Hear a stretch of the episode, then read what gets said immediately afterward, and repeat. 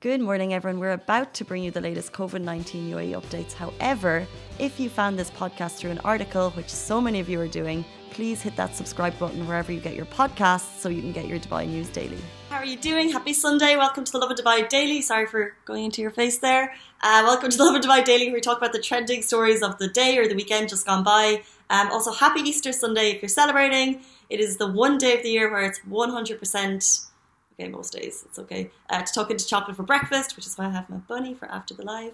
Um, but also, I think it's a fun way uh, if you want to go for like a little Easter egg hunt in your house, um, whether you live alone or with your families. Um, hope you guys have been staying healthy and safe and kind of just positive over the weekend.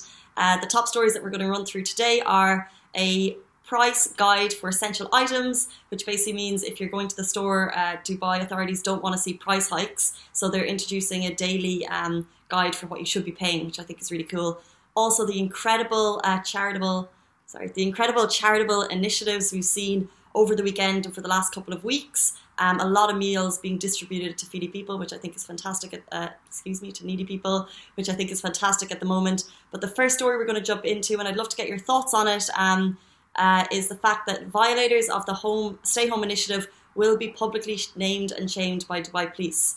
Um, so, kind of starting on Thursday, I think I saw the first story like this. The Dubai police will take extensive measures in dealing with individuals who violate the stay home initiative um, by naming and shaming them on their public profiles. And that will include an unblurred photo of the person, their name, and nationality. And I think that the decision has been taken because Dubai is putting so much money into the healthcare system here. Um, we've seen amazing initiatives um, on that side of it. So then for people to disobey the orders given to us uh, directly, which is stay home unless you have essential uh, needs, and to kind of um, just follow the directives, uh, it just kind of makes a mockery of it. Um, so, uh, what Dubai Police has said was that the government has already invested a huge amount in the healthcare infrastructure, and these reckless people are setting an example of others to follow their steps. Uh, that's why the leadership has decided to go to the next level and share their photo in the media. So, of course, it was a decision that wasn't taken lightly. However, um, like they said, they don't want to see kind of copycats in terms of uh, people making a mockery of the system. Um, we've already seen a number of cases of people being publicly named and shamed over the weekend. Um, so, one instance was a man impersonating a police officer on his social media platforms. So, not, the, not that he was outside, but he was using social media to impersonate a police officer. Um, so his photo was shared online with his name and nationality. And then in another case, there was a man who posted a video of himself um, making howling noises at a government building. Uh, so he's also been uh, arrested and named and shamed. And uh, to go along with this, obviously, Dubai police can't see everything that we're all doing. So there is um, a place on the Dubai police app called the Dubai Eye, and you can report suspicious activities on there um, if there's something that you note that uh, people are not following the directives. I think this is just the next step in terms of we are seeing cases jump every day, um, and it is it can be a little bit scary. And what we really need to be doing is flattening the curve. So to have uh, everyone following the orders issued directly uh, from above is kind of where Dubai police are going with this. Um, but I'll move on to our next story. Over 31,000 meals have been delivered to the underprivileged families in Dubai, uh, in Safe, Al Warsaw, and also areas that have been closed off um, Satwa, and also Jebel Ali. Um, so a number of charitable organisations in Dubai are coming together. Um, there's also volunteering programs, which I'll talk about in a sec. Uh, but it's amazing to see everyone kind of all hands on deck at the moment. Um, getting and we're also uh, there's also a lot of restaurants who are doing um, a lot of good, uh, distributing um, meals to different families. One way that we can get involved, of course, there's the established charitable foundations, and whether they're taking volunteers too. There's also the Dubai Four Day app.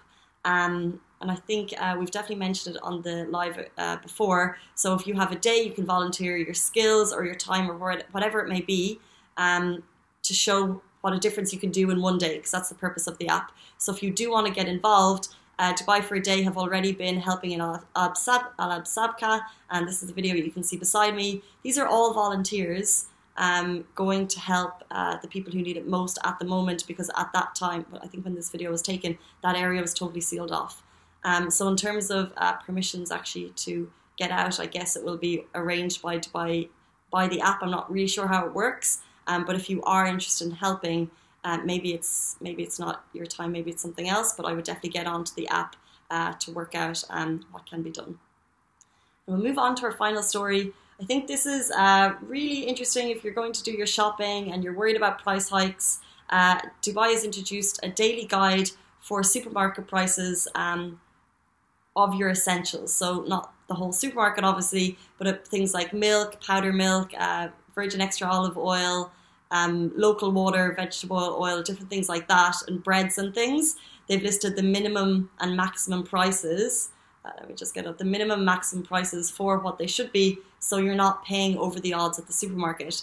Because especially at the moment, if you're doing one supermarket shop every week or every two weeks, um, you may be buying a couple of things all together. And what the authorities do not want is for there to be any price hikes, any price escalations. So things like local water, they've given a minimum and a maximum price.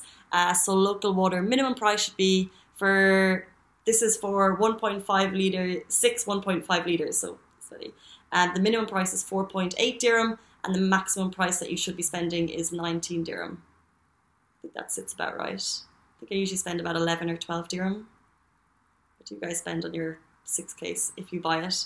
Uh, that's if you're buying local water. What about bread wise? A bread roll minimum price is one dirham. Maximum price for bread roll is 4.5 dirham.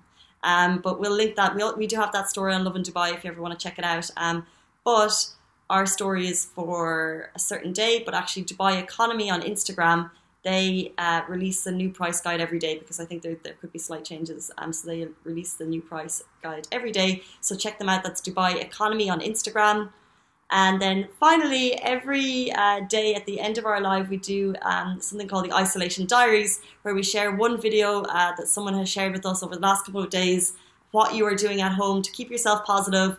Uh, that might be a little bit different from the ordinary. We've seen some great ones. I love how creative people have become. Uh, but this one uh, was shared to us by someone called Amy Susan on Instagram. Just play it for you now so you can see it properly.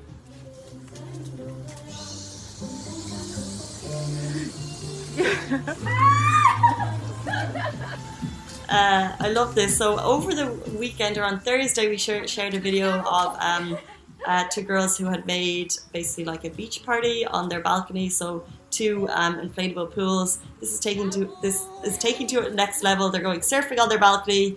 Um, but it just shows kind of the creativity that people are using at the moment with videos um, and just kind of trying to keep up the spirit at home in any way they can and that's kind of the purpose of these isolation diaries um, to show you what other people are doing at home at the moment. Um, I know it can be so easy to just scroll on your phone um, and kind of not move, and that's okay too. But it's also fun to see uh, the fun options that we could be getting up to.